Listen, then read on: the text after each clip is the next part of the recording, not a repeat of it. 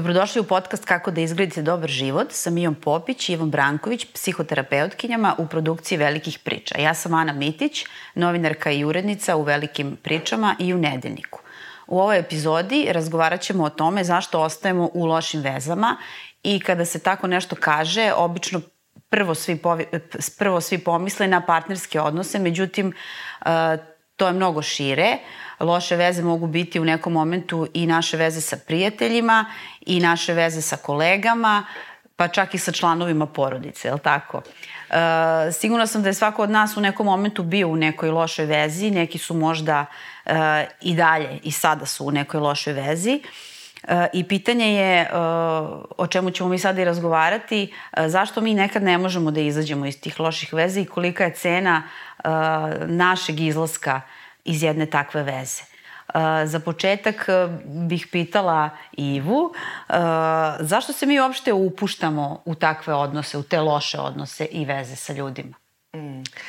Uh, to je dobro pitanje i dobro je da sa njim počnemo, zato što stalno se nekako time bavimo zašto biramo pogrešne ljude i onda mi se čini da u tom narativu ima toga da mi u startu ulazimo u loš odnos, uh, sad ja mislim konkretno na partnerski odnos, jer to je uvek naj, najzanimljivija tema, ali suštinski se to ne dešava tako. Mi kada biramo nekoga ili kada ulazimo u neki odnos, mi ne biramo da budemo u pogrešnom odnosu. Mi biramo da budemo u, želimo da budemo u dobrom odnosu i pokušavamo da napravimo neku preliminarnu procenu kakav bi taj odnos mogao da bude. I tu na startu vidimo neke dobre stvari, vidimo možda naznake nekih loših stvari i pravimo neku vrstu vaganja ili merenja.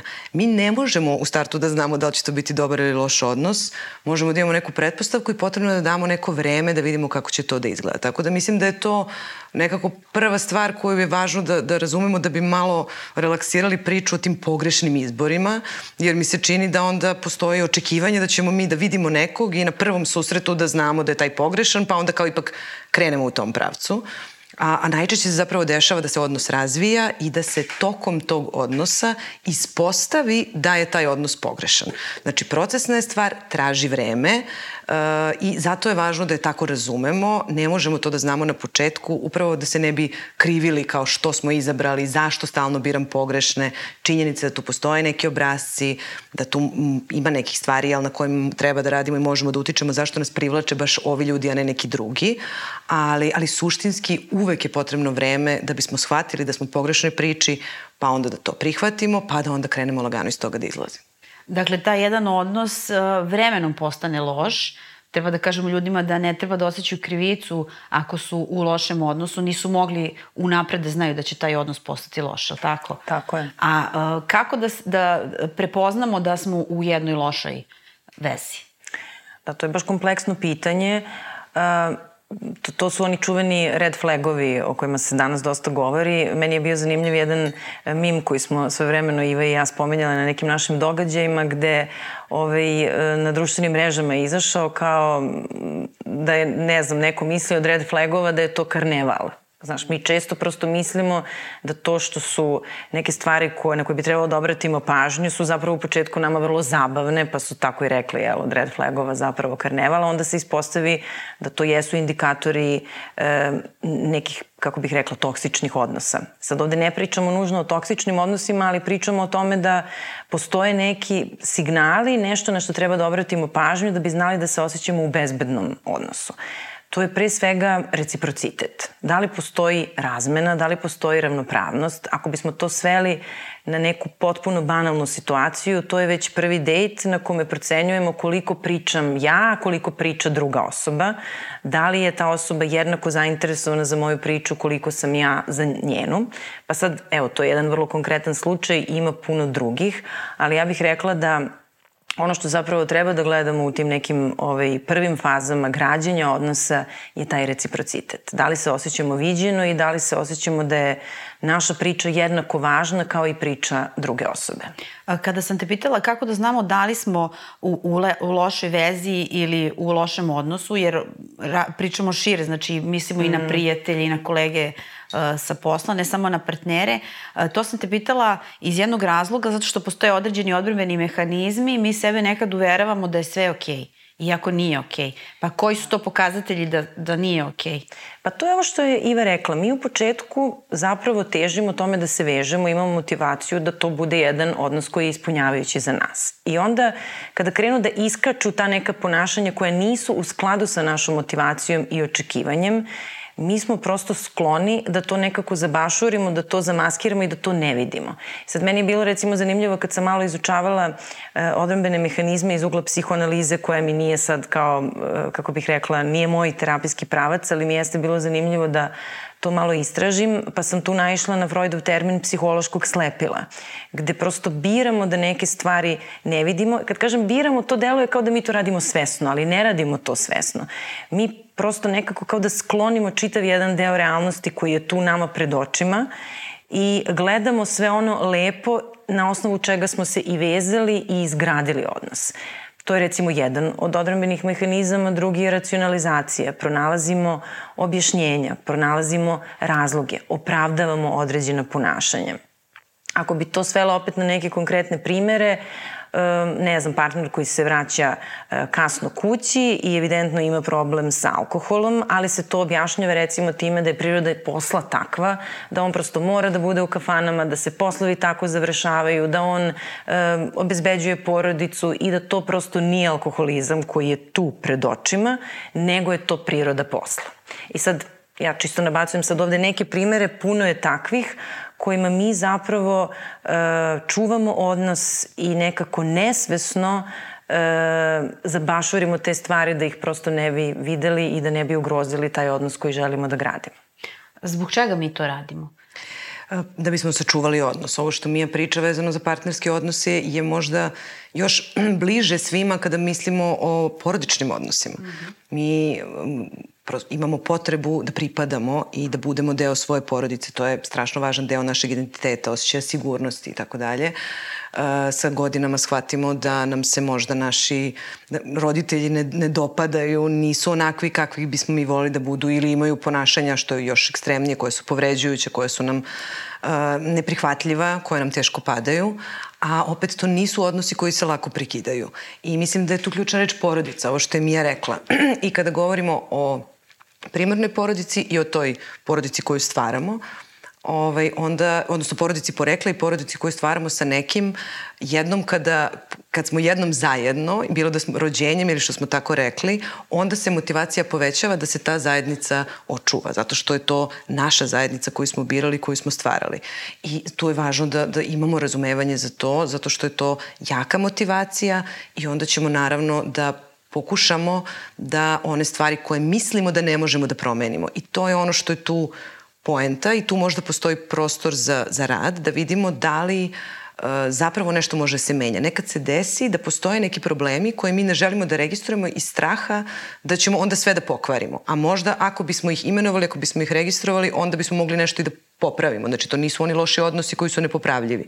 Ali i to je zamka te porodične solidarnosti, odnosno lojalnosti, gde mi čuvamo stvari takve kakve jesu i prećemo na njih da zažmurimo, nego što ćemo zapravo njima da se pozabavimo i onda paradoksalno ostajemo u lošoj situaciji nego što bi moglo da bude da smo o njima progovorili. I to je prilično jak mehanizam, jer strah od raz, razaranja porodice, od gubitka bliskih osoba je ogroman kod ljudi. Naš odnos prema roditeljima je takav da ideja da ćemo da ih izgubimo, da će oni nas da odbace, je nešto što nosimo iz detinjstva i što je veliki strah. Tako da se tu vrlo teško upuštamo u to da reagujemo ukoliko smo nezadovoljni, a ideja odlaska se dešava stvarno zaista u ekstremnim situacijama. Pa više puta si e, sada spomenula reč strah. Mm. Uh, Miju bih htela da pitam uh, koji su to sve strahovi koji postoje koji se javljaju zbog kojih mi ostajemo uh, u lošim odnosima. Čega mm. se mi sve plašimo? Pa pre svega strah od gubitka. E, upravo ovo što je Iva rekla, razaranje e, porodice i zapravo jedan novi i drugačiji identitet koji bi ti potencijalno morao da gradiš ukoliko ti se sve to nekako ovaj, izmakne i prosto realnost ti nekako se menja u potpunosti. Tako da ja mislim da je tu pre svega e, strah od gubitka i strah od nepoznatog e, i mi psiholozi dosta o tome pričamo, ponekad se ono brinem da smo možda dosadni kada o tome govorimo, ali e, ljudi zaista žele da ostanu tamo gde im je poznato. Pa čak i da je to nešto što je po njih mnogo loše, ali to je opet neko poznato zlo. I ja mislim da tu možda ima još jedna psihološka perspektiva koju mi ovaj, nekako lako zanemarimo, a to je da je ljudima mnogo jasnije šta će da izgube, ali nemaju perspektivu toga šta će da dobiju. I mnogo je teško zamisliti neku svetliju budućnost sa nekim drugim novim ljudima, bilo da su to prijatelji, poslodavci ili partneri, I mi kada uopšte razmatramo onako vrlo sa strahom kada razmatramo neku promenu, nama je mnogo više u fokusu to šta ćemo izgubiti nego šta ćemo dobiti. I ja mislim da je to ono što je nekako odlučujuće u tome da teško ulazimo u nešto novo i teško izlazimo iz odnosa u kojima se osjećamo loše. A šta je sa strahom od neuspeha? Da, strah od neuspeha je, e, vrlo se lepo nadovezuje na ovo što je Iva rekla, da se od nas gradi i što ga mi duže gradimo, mi se osjećamo da ako izađemo iz toga, to će biti veliki gubitak. Postoji u psihologiji jedan termin koji je meni vrlo interesantan, zove se eskalacija posvećenosti, gde mi povećavamo posvećenost i ulažemo još veći trud što duže, paradoksalno, što duže uviđamo da jedan odnos nije dobar zato što se toliko trudimo da ga na kraju izgradimo kao neki projekat. Često odnosima, pogotovo partnerskim, pristupamo kao da je to sad neki projekat i što više osjećamo da to nije taj projekat koji smo mi zamislili, mi se više trudimo, jer izaći iz toga znači prosto sebi reći nisam uspeo a nije baš tako, jer je to relacijona stvar i to nije neka štafeta koju ti nosiš kroz život, pa sad ako ti partnerski odnos uspe i šta to uopšte znači, by the way, ali to je možda za neki drugi podcast, ti si sad kao uspe u životu. Tako da ja mislim da mi često odnosima pristupamo sa tom nekom idejom uspeh, neuspeh, kao da su to prosto kategorijalne stvari i onda se mnogo trudimo opet iz tog razloga što ne vidimo kako bi budućnost mogla da izgleda drugačije, trudimo se da ne bi izgubili, i ljudi to često kažu, da ne bi izgubili sve te godine truda i rada kao da je sve to bačeno. A nije bačeno to iskustvo i kroz to smo se menjali, nešto smo naučili.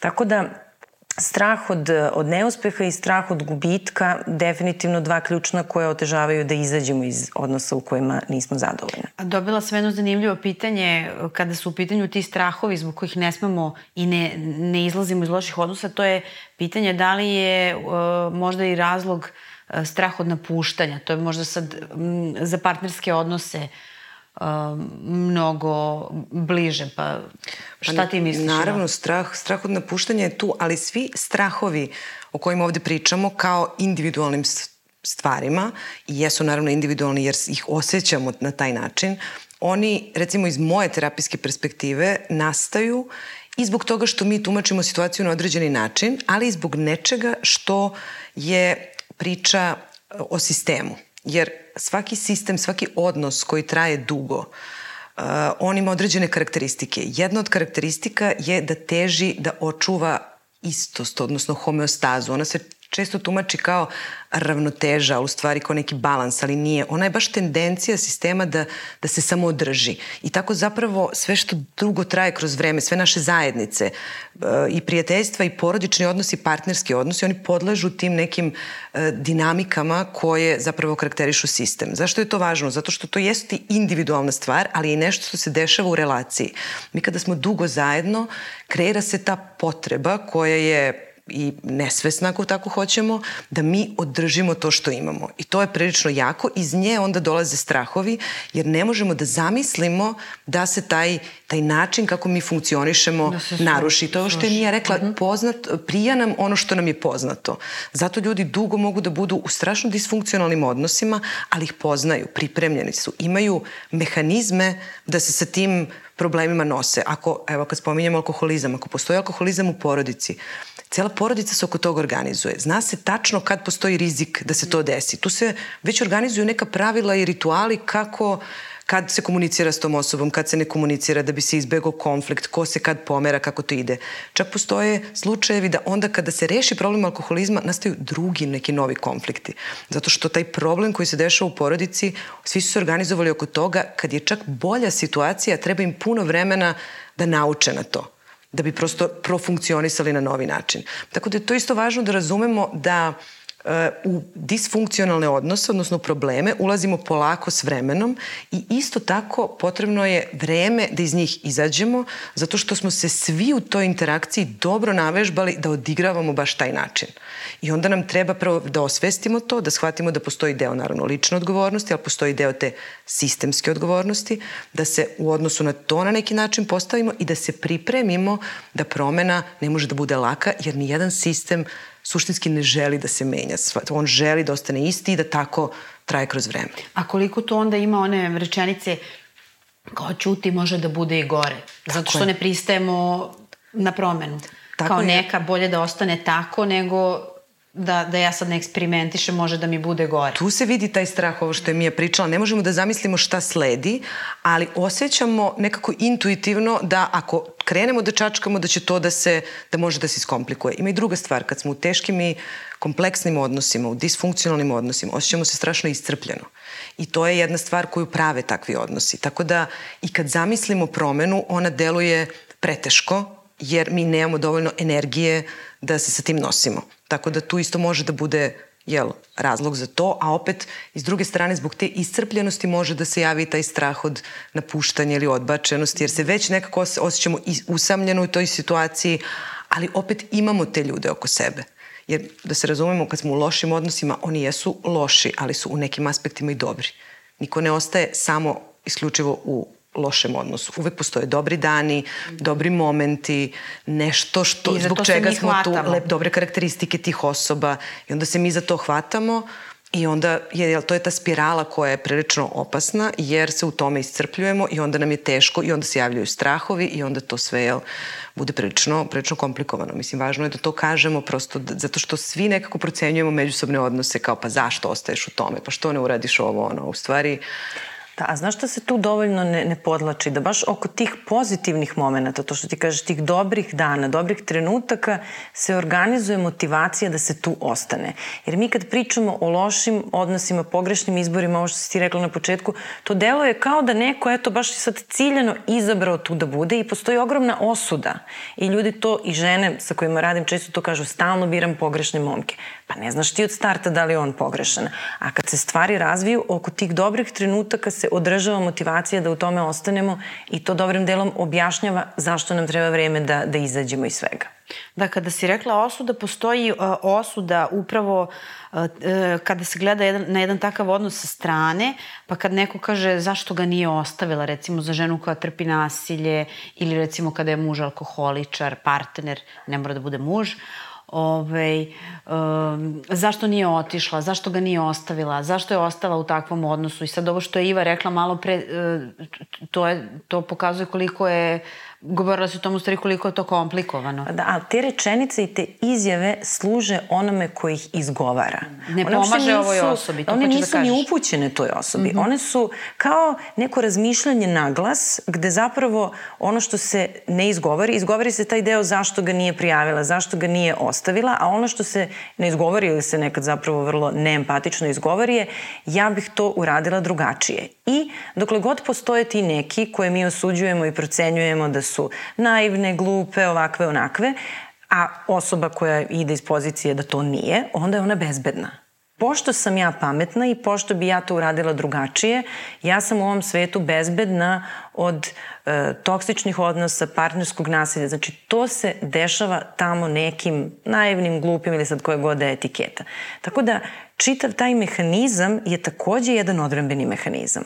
Ako je ona tamo neka glupa, ja za sebe naravno mislim da nisam, ja sam na ovom svetu sigurna i meni to ne može da se desi. Da, to nije tačno.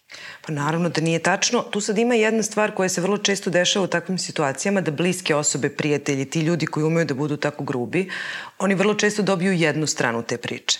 Jer mi sa prijateljima uvek, jel, kada razgovaramo o, i o svom partnerskom odnosu i o roditeljima, o svemu, mi se sa njima vidimo pa se izjadamo.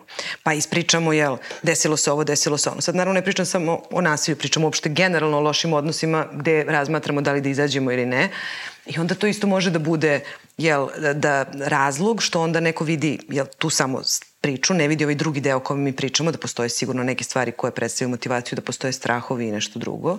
Tako da je to važno za ljude u okruženju ljudi koji se bore sa teškim odlukama u smislu da li da ostaje partnera koji nije dobar, da li da ostaje posao koji nije dobar, da, da samo imaju razumevanja da slika stvarno nikad nije crno-bela. Mislim, to je prosto nemoguće, ne postoji. Znači, tu sigurno ima loših stvari, ali ima nekih dobrih stvari koje tu i dalje drže, pa onda ima svega ovog što pričamo. I strahova, i praktičnih razloga, i sad možemo dalje da nabrajamo. Tako da najbolji način da podržimo nekog ko se nosi sa ovakvom odlukom, odnosno bori sa njom, je da zapravo samo saslušamo. I da ne dajemo tako brze uh, jel, savete. savete ili da usmeravamo nekog ili što još najgore da osuđujemo nekog, kao ne mogu da verujem da ostaješ ovde posle mm. toga. Pa mislim, posle raznih stvari ljudi ostaju zajedno.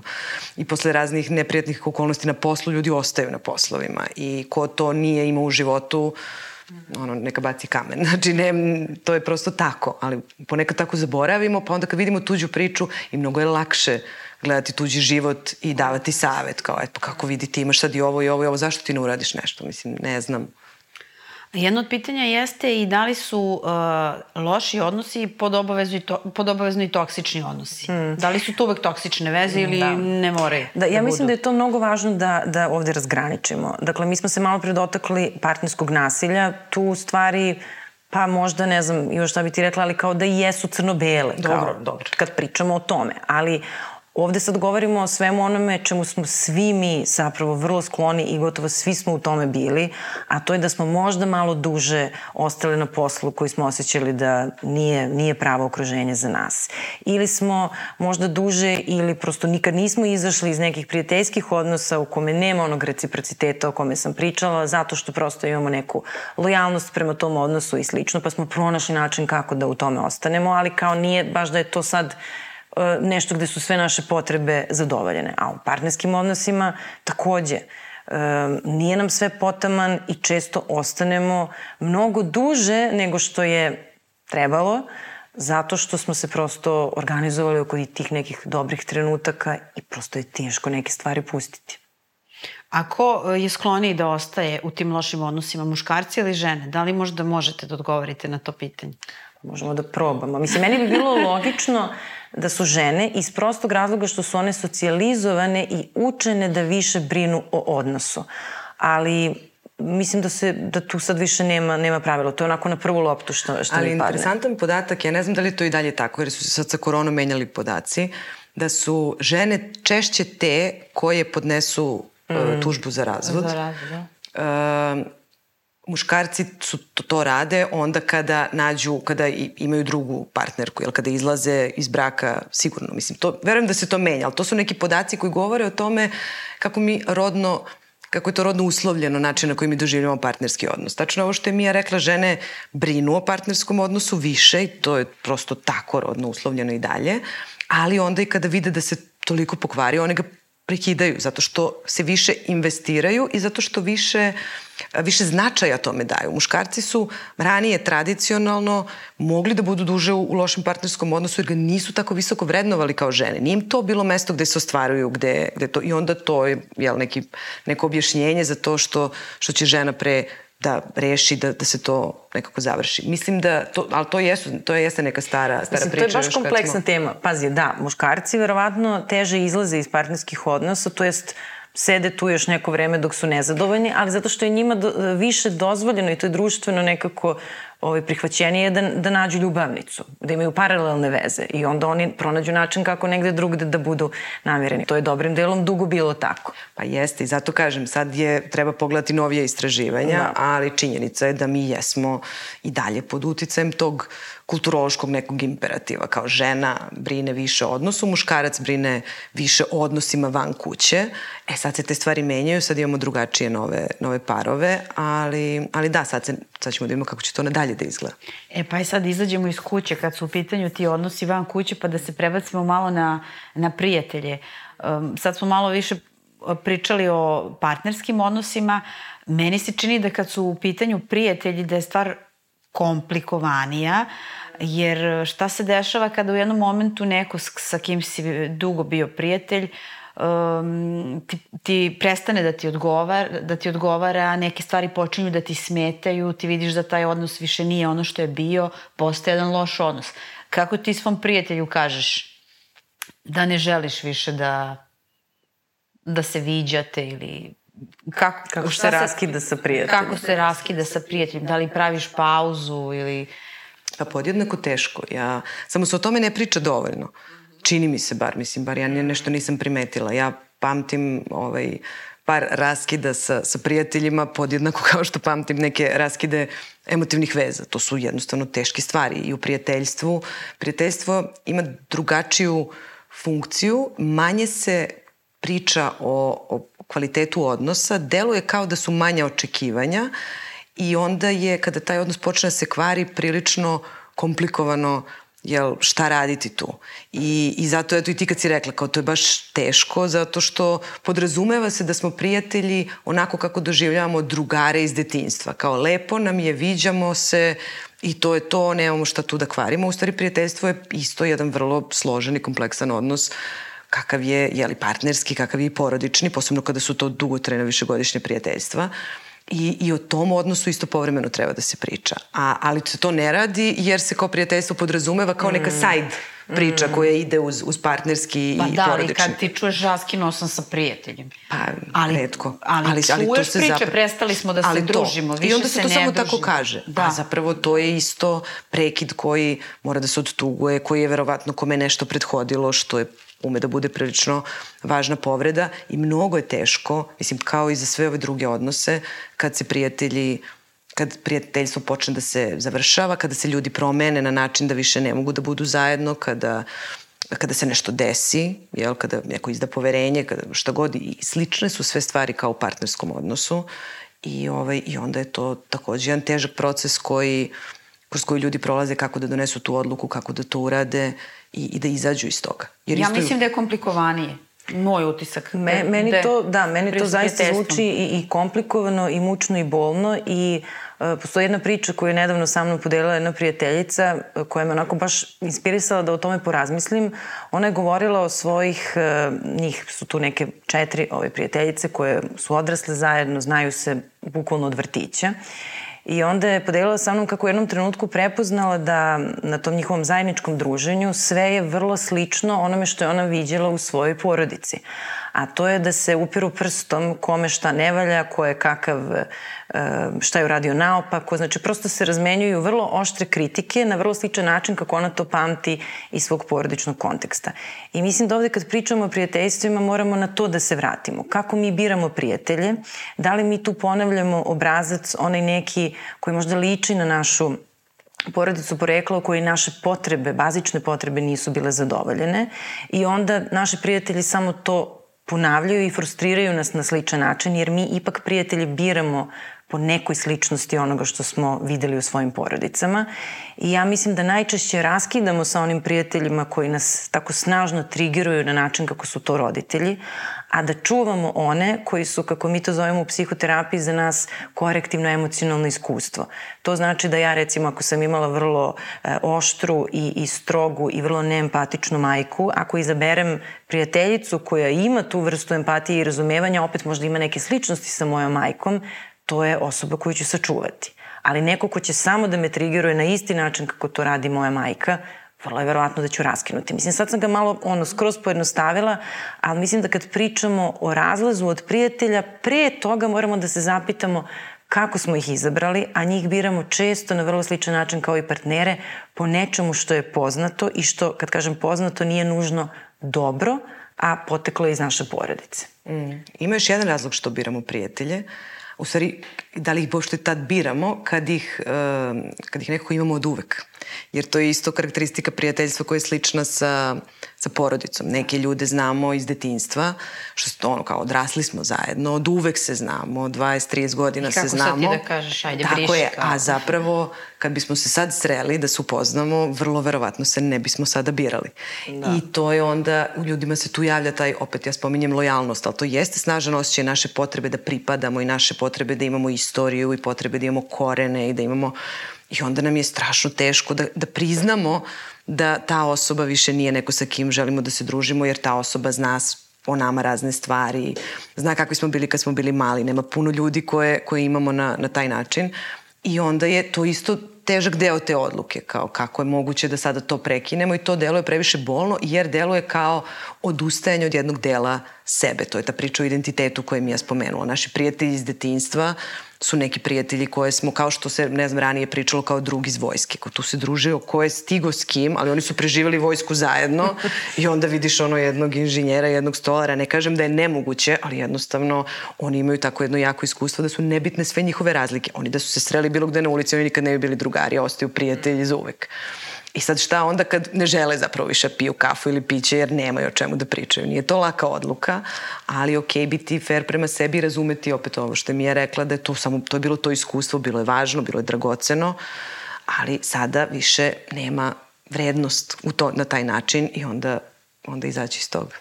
A šta ćemo sad kada celu priču prebacimo na kolege i na uh, posao? Možemo da raskinemo sa partnerom, možemo da raskinemo sa prijateljem, ali na polju poslova i, i odnosa sa kolegama, to nije nekad jednostavno. Nisu svi u situaciji da kažu, e, kao meni ovo da priča ne odgovara. Da trajni odnos. Pa jeste, to, tu je najteže zato što su nam i druge potrebe uključene od kojih nam zavisi život. Tako je, ne možeš da kažeš, nije, nije tako jednostavno. Ja idem da. odavde nervirate me svi, čao. da. Ja se sećam da sam odluku o otkazu donela, to je bilo pre nekih 12 godina, kada je direktor jedne škole u kojoj sam tada radila rekao da ćemo se naći na sastanku sa nastavnim osobljem, da čuje naše mišljenje i da razmenimo ideje. Ja sam se toliko tome radovala jer sam naravno imala puno mišljenja, a onda je on e, sat i po držao monolog. I to je bio sastanak. I tad sam shvatila da je moja potreba da, da prosto razmenim ideje apsolutno frustrirana i imala sam sreću da sam mogla da dam otkaze. Ali mislim, zašto sam se setila ove priče? Zato što mislim da i, i u poslovnom kontekstu mi opet se nekako susretnemo sa tim svojim potrebama koje nisu samo da, uglavnom nisu samo da zaradimo novac, mm. nego i da se nekako osjećamo viđeno, e, priznato, bezbedno I ovaj jedan primer gde toga nema jer neko je priča sat i po je jedan od indikatora. Mislim, to je moj primer, ali ima mnogo drugih koje vidim u coaching praksi e, gde ljudi postepeno, slično kao i u partnerstvu, slično kao i u prijateljskim odnosima, od idealizacije nekoga za koga rade, postepeno upoznaju tu osobu, uviđaju razne neke red flagove i onda i izlazna strategija obično nije preko noći kao i u ovom mom slučaju. Ja nisam sutra dala otkaz, ali mi je tad bilo jasno da jedna moja potreba je vrlo frustrirana u tom kontekstu. I to onda negde ide postepeno? Pa mora da ide postepeno jer je to sad malo delikatnije, mada ja mislim da u svim odnosima to ide postepeno.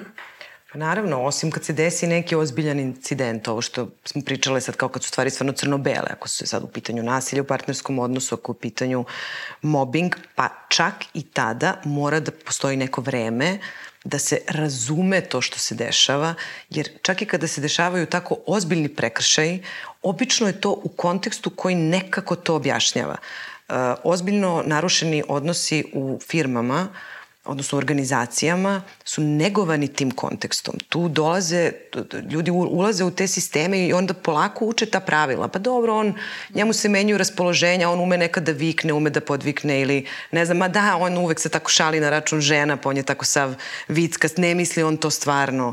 I kao ona neka, ne znam, ona voli isto da da gunđa ili da pravi probleme ili hoće da, ali to je ona ne misli, mislim, ljudi se pripreme na to, to je taj sistem koji održava se bez obzira na sve, I onda je potrebno da se osvesti šta se tu dešava, pa kad se osvesti da se pravi izlazna strategija, pa da se odatle izađe.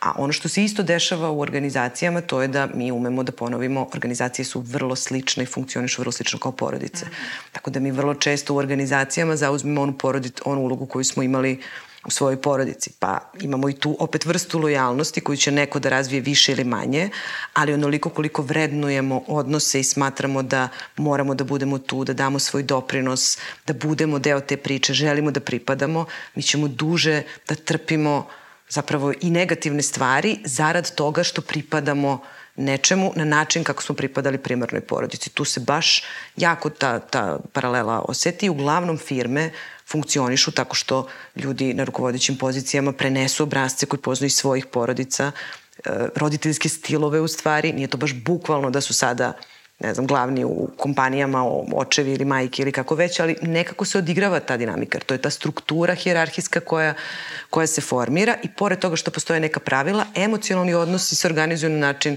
kako je to u porodicama ljudi koji tu dolaze. I zato opstaju dobro ljudi koji imaju slične porodične obrazce, a oni koji to ne mogu da razumeju, kao mi je u školi, je potpuno, oni kažu ja ovde ne mogu da budem i, i idu.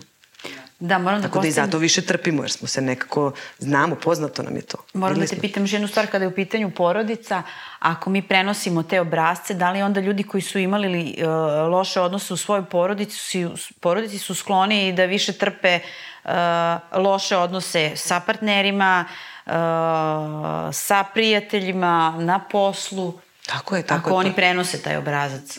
Pa tako je, ono što smo videli, mi učimo u porodici, onda posle to naravno kroz druge odnose provežbavamo, imamo korektivno ili ne iskustva, ali učimo šta je ljubav. Ako u porodici smo videli da je ljubav, da, da vičemo, da se ljutimo, da, da budemo grubi jedni prema drugima, nama, nama to postaje ideja ljubavi i mi onda to možemo više da prihvatimo. Mi onda budemo svesni da to nije možda kako treba kad smo stariji, ali svejedno kada se to desi, ne odreagujemo tako brzo kao neko ko nije odrastao u tome da se viče, da se vređa, da, ili da se grubo šali, ima i toga. Pa onda ljudi prosto kažu, pa dobro, nije takav je, šali se, on neko vređa kroz šalu najstrašnije. A neko će se uvrediti, a neko će reći, pa dobro, ipak je to simpatično, pa dobro, takav je. Mislim, i po tome vidiš koliko mi u stvari možemo da podnesemo, po tome se nekako meri, jer smo na taj način naučeni. Kako loši odnosi utiču na naše mentalno zdravlje? Šta se nama dešava kada mi ostajemo dugo u nekom lošem odnosu? Kako se menjamo? E, Pa evo jedan primjer sad dok sam vas slušala vezano za, za porodicu i posao. E, Serija koja to stvarno maestralno prikazuje je Succession. Taj, Da. taj način kako se porodična disfunkcionalnost samo preliva na, na ovu poslovnu. I meni je nedavno e, prijatelj poverio kako nije mogao da gleda tu seriju posle, ne znam, pete epizode, kaže imao sam PTSD, kao posttraumatski stresni sindrom, samo gledajući to. E, I sad tu da se vratim na, na tvoje pitanje, ono što stvarno pouzdano znamo i tu više nema nikakve dileme je da istrajavanje u takvim odnosima koje nećemo zvati toksičnim, to su e, odnosi u kojima su frustrirane naše potrebe, ali onako pomalo nasitno i to se iz, iz prosto godine u godinu, ako sad pričamo o nekom dužem periodu, ovaj, ra- razvija u jednu e, jedno zaista narušeno fizičko e, zdravlje. I to stvarno znamo da je tako. E, I meni je to bilo mnogo interesantno kada sam od jedne koleginice koja se baš bavi ovaj, i partnerskim odnosima, ali onako dosta teže priča od ovoga o čemu mi sad govorimo. I ona je rekla, sad je potpuno jasno da nas loši odnosi fizički urušavaju. I tu više nema nikakve dileme. Tako da prvi neki simptomi su svakako psihosomatski, da u nekom trenutku osjećamo da naše telo kao da se bori i izveštava nas da mi moramo da izađemo iz te situacije, a mi ne znamo kako. Tako da verujem da, da su prvi signali ti koji dođu iz tela da nismo na bezbednom mestu. Ok, a kada rešimo da želimo da izađemo iz jednog takvog odnosa, da li partnerskog, da li prijateljskog ili uh, da damo otkaz, uh, šta je ono što je najteže, ono što, što, što nam otežava celu stvar i zbog čega je u stvari teško da se iz jednog takvog odnosa izađe? Pa sad kad smo sve ove faktore izlistali, stvarno ne znam šta je najteže. Mislim, odakle god da kreneš sve je Da. teško. Mislim da je uh, strah od neizvesnosti, u stvari situacija u kojoj ne možemo da zamislimo budućnost ili situacija u kojoj nemamo neko novo rešenje. Uh, za partnerski odnos je to kako ću ja sada kad izađem iz ovoga, a pretpostavka da je to odnos koji je dugo trajao, i kako ću sada, ne znam, da budem ponovo single, gde ću, kako, i od praktičnih stvari, gde ću živeti, kako ću se organizovati, znači sve to. Kada je posao u pitanju, naravno se posao najlakše ostavlja onda kada smo našli neku drugu opciju, najteže se ostavlja onda kada je nemamo. Ja sam sa svog jednog posla otišla zato što u stvari sa tog ovaj, pretposlednjeg, o- tad, onda kada nisam imala drugu opciju, ali je toliko situacija postala toksična da više nije bilo kud. I sećam se koliko je strašna bila ta odluka, znaš, ti, ti, bile smo u tome zajedno, jednostavno, mm. kao, moraš da ideš, ne znaš šta će dalje da se desi i treba da napraviš taj korak. Tako da mogu da razumem i, i na ličnom iskustvu i verujem da je to, ta, ta ideja, mislim da je ljudima to potrebno, da mogu da zamisle neku vrstu kontinuiteta koji će se desiti posle toga. Jer taj prekid koji se desi deluje kao kraj sveta. Kao, da, ja sad ako dam otkaz, kao šta najgore može što može da se desi, neću imati posao neko vreme i to stvarno nije, nije mala stvar, ali u tom trenutku to deluje kao ja neću imati posao nikada. Ja neću nikad više imati partnerski odnos ako ja sa ovim prijateljem prekinem, ja nemam prijateljstvo. I to je nešto što prekidi sa sobom nose, zato što opet i mi funkcionišemo po tom sistemskom principu. Nama treba kontinuitet, treba nam trajanje, treba nam predvidivost. Kad nešto, kad iz nečega izlazimo, to se prekida, mi ne možemo da sa sigurnošću zamislimo, možemo da maštamo, ali ne možemo da se oslonimo na maštu. Ali postoji jedan odnos koji ne može da se prekine, to smo zaboravili da kažemo, to su ti porodični odnosi ako smo u lošim odnosima sa majkom, sa ocem, sa bratom. Ja mislim da to nije tačno. Ja mislim da to nije tačno i da je ovo ali super... Oni ostaju, ostaje tvoja majka, tvoj otac, tvoj brat da, i ako ali, prekineš ali vidi, sve sa njima. Ja mislim da je ovo baš divna prilika da mi kažemo da to apsolutno nije tačno. Dakle, ako imate toksičnu majku ili oca po definiciji narcističkog poremećaja ličnosti, vi imate potpuni izbor da ta osoba za vas postane potpuni stranac. To što ste vi biološki povezani i što ste u krvnom srodstvu ne znači ništa. I mi to često govorimo sa najboljom namerom, pa to ti je majka, pa to ti je otac, pa nemoj tako, to ti je brat. Ali ako bilo koja od te tri osobe ili sestra, što god, ispunjava kriterijume narcističkog poremećaja ličnosti. Kad kažem narcističkog poremećaja ličnosti, to je jedna stvarno toksična uh, psihološka dinamika u kojoj ostajemo potpuno razluđeni, povređeni, iscrpljeni, fizički urušeni, uh, I ako je to ono gde, a svako može lepo da otvori knjigu, prepoznaće. Nema šanse da ne prepozna e, po kriterijumima ovaj, ponašanja da li se radi o toj osobi. Ja mislim da je krajnje vreme da kažemo da imaju puno pravo da tu osobu smatraju strancem i da postave granicu i da se više nikad ne jave na telefon. Znam da to zvuči mnogo strašno ovako kada izgovorim, ali kada sam o tome pisala nedavno na, na mrežama i okačila jedan post na tu temu koju je neko od naših kolega mnogo lepo napisao, ja tebi ne mogu da objasnim koliko je mene stiglo poruka ljudi koji su se zahvalili i rekli da se ceo život osjećaju krivim zbog te rečenice to ti je otac, to ti je majka, a da su tek sa tom rečenicom ovaj, dozvole da o tome porazmisle na drugačiji način, uvideli da, da je to mogućnost. Sigurno nije laka, zbog upravo ove lojalnosti i činjenice da to jeste tebi biološka majka, ali da ni po čemu drugome ona nije možda ispunila roditeljsku funkciju i da možda možeš da izabereš da ti to više ni ne bude.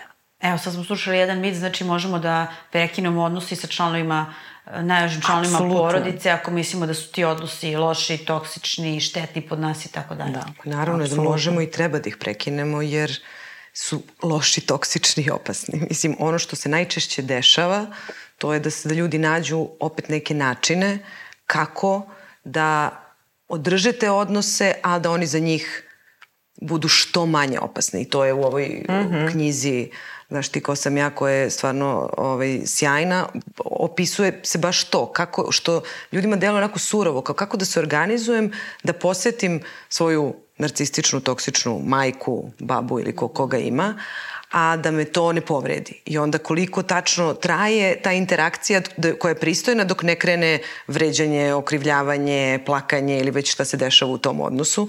I onda i to neka opcija, ali za prvi korak je zapravo da to osvestimo i da sebi damo to pravo, jer društvo nam ga ne daje. Moramo da eh, imamo, moramo da imamo porodice, moramo da budemo povezani sa svojim porodicama. Ako nisi u kontaktu sa svojom porodicom, ne valjaš.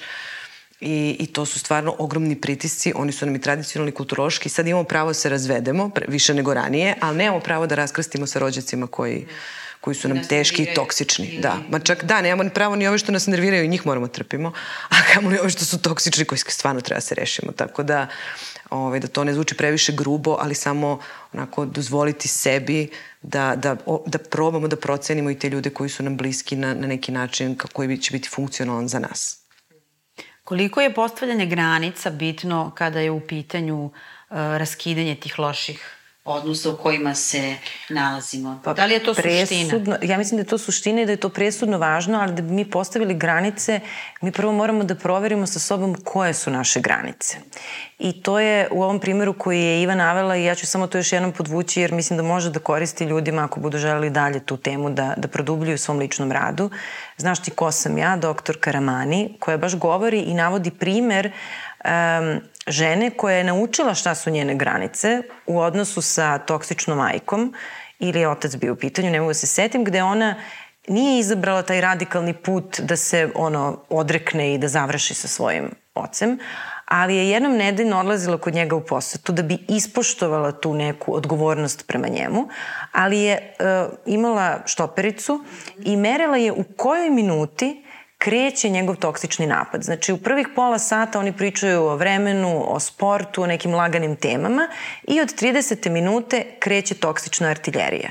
I ona je prepoznala, to je ključno, prvo prepoznati granicu gde ti do koje tačke želiš da budeš u nekom odnosu, kada on postaje za tebe štetan i ona je naučila posle pet puta pet susreta i pet merenja, da oko 30 minute postaje kritično. I tad je odlazila kući. E sad, ovo sve ovako stvarno izgleda vrlo jednostavno, ali prvi korak je razumeti koja je tvoja granica, pratiti iz tela u datom odnosu kada počinješ da se osjećaš loše i da onda tad prosto postaviš tu granicu. Jer mi stalno pričamo o postavljanju granica, ali niko da nam objasni šta je to. To je komunikacija sa svojim telom telo ti obično kaže kada u nekom odnosu ti nije prijatno. I onda kad znaš to, e onda je sledeći korak zapravo da ti izađeš iz tog odnosa, da iskomuniciraš šta ti ne prija, ali je prvi korak pratiti svoje telo. Po tome znaš da, da. nešto nije u redu i tad treba da, da. da kreneš da razmišljaš o tome. Tako je, loši odnosi čine da mi zaboravimo svoje granice. Jer se osjećamo istrošeno, jer pokušavamo da nešto menjamo jer se bavimo time da regulišemo sobstveno emocionalno stanje, odnosno da nekako umanjimo te negativne emocije koje imamo zato što smo u lošem odnosu i onda zaboravimo da, da se čekiramo i da damo sebi za pravo onda kada se osjećamo loše da odreagujemo. I zato je to prvi korak u stvari da se podsjetimo kad je dosta. A to nije lako se podsjetiti, traži malo vremena, ali je moguće. Svi mi imamo neke granice i te neke crvene linije kad je dosta, samo je važno da ih sebi damo za pravo i da onako krenu iz nas, a ne iz tog odnosa koji nam uvek šalje pogrešne poruke ili iz okruženja koje će vrlo često da nam kaže, posebno kad su ovi tradicionalno važni odnosi u pitanju porodica, partnerski odnos, pa čak i posao. Mislim, kad hoćeš da daš otkaz, ko te podrži da daš otkaz? Mm. Znači, svi ti kažu nemoj... Čuvaj taj sigurno. Čuvaj da nađeš drugi posao, prvo nađeš drugi posao. I da ćeš uopšte da nađeš, vidi kakvo je vreme. Da. Imaš stabilan posao, imaš, ne znam, zdravstveno. I, tako da, to, to je mnogo važno, da vidimo gde je naša granica, a ne gde su te granice koje nam svi, tako iz svojih tih najboljih namera, jel, nude. Dobro, ali nije kraj nikad izađeš iz lošeg odnosa. da nastavimo Šta se to. dešava posle toga bude opet loš. Pa dobro, svaki... Šta se dešava posle da, toga i to je jedna faza koju treba proći i oporaviti se od tog jednog lošeg odnosa. Tako je. Posle lošeg odnosa ono što se vrlo, verovatno, uh, vrlo često dešava, to je osjećaj olakšanja. Kad se, jer kad velika se energija opet tu skuplja i troši da se donese ta odluka, i oseti se olakšanje zato što je to drugačija vrsta izlaska iz odnosa. Što je veza, odnos uh, gori, to će biti teže izaći iz te priče.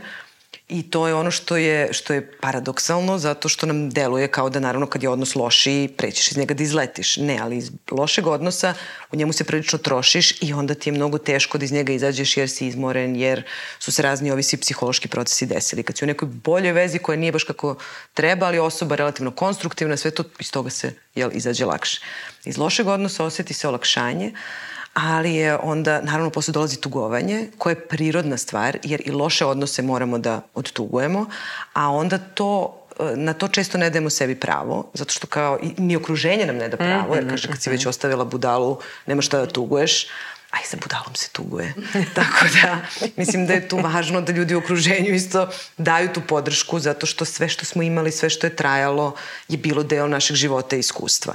I baš zato da ne bi imali onaj osjećaj protraćenog vremena, moramo mm. da imamo mm. dozvolu da to odtugujemo, jer to nije bilo protraćeno. To je bilo neko ulaganje, to je bilo nešto lepo, to je bilo neko iskustvo i moramo za tim da odtugujemo, a kad je to bilo jako loše, onda smo u konfliktu, jer ni sami sebi često ne damo to pravo. Tako da je to važno da razumemo, da će biti neko olakšanje, ali da tuga svakako mora da dođe, ali da isto neće ni predugo da traje, baš zato što je bilo loše. Samo da ne tumačimo kao signal da nešto s nama nije u redu ili da još gore tumačimo kao signal treba se vratimo u to loše. Ne, tugujemo i za lošim, ali ne znači treba se vratimo, treba samo da pustimo da radi svoj posao i onda da bude ja, okay. Mislim da ovde treba podvući ovu fenomenalnu, sjajnu rečenicu i za budalom se tuguje.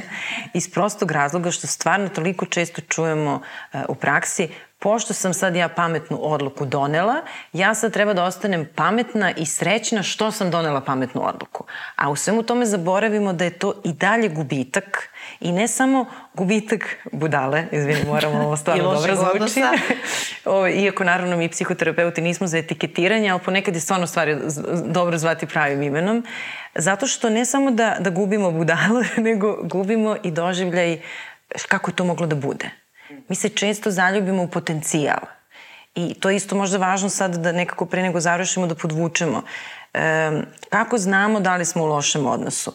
Da li smo zadovoljni tim odnosom kakav je on sada ovde stvaran kakav jeste? Ili smo zaljubljeni u potencijal kako bi to moglo da bude kad bi bilo? I onda ako je to osoba od koje se rastajemo, koja stvarno nije za nas, I kao, pa, doneli smo pametnu odluku i sve je to super, ali uh, je važno nekako podvući da taj potencijal se nije ostvario i da je to i dalje gubitak. Možda smo pametno izabrali da ne budemo sa nekim ko je loš po nas, ali je to svejedno gubitak jer se taj potencijal o kome smo mi maštali prosto nije realizovao. I onda kad odbolujemo to, onda nam bude dobro, je tako? Za deset godina. Za manje. Nećemo da, da, da budemo tako mračni, ali ja stvarno mislim da su to, mislim, to su ta naša životna iskustva. Mi ulazimo u odnose i uh, imamo ideje kako odnosi treba da izgledaju I onda kada shvatimo da oni nisu za nas, mi izlazimo iz njih. E, stvarno nije dobro da to gledamo kao poraze, a vrlo se to često tako tumači, zato što postoji jedno očekivanje da kad izabereš posao, da si izabrao taj posao i to je to. Izabereš partnera, to je to. Uh, ok, porodicu moraš, moraš da znaš kako da budeš sa svojom porodicom. Život je stvarno mnogo kompleksniji od toga i jednostavno nije tako. Različiti su odnosi, ne, ne postoje savršeni porodični odnosi. Svi moramo kroz ceo život da navigiramo kroz tu vrlo kompleksnu situaciju koja se zove porodični život. Tu smo rođeni, tu nam se nešto desilo sa tim roditeljima. Idemo kroz život i drugim članovima porodice.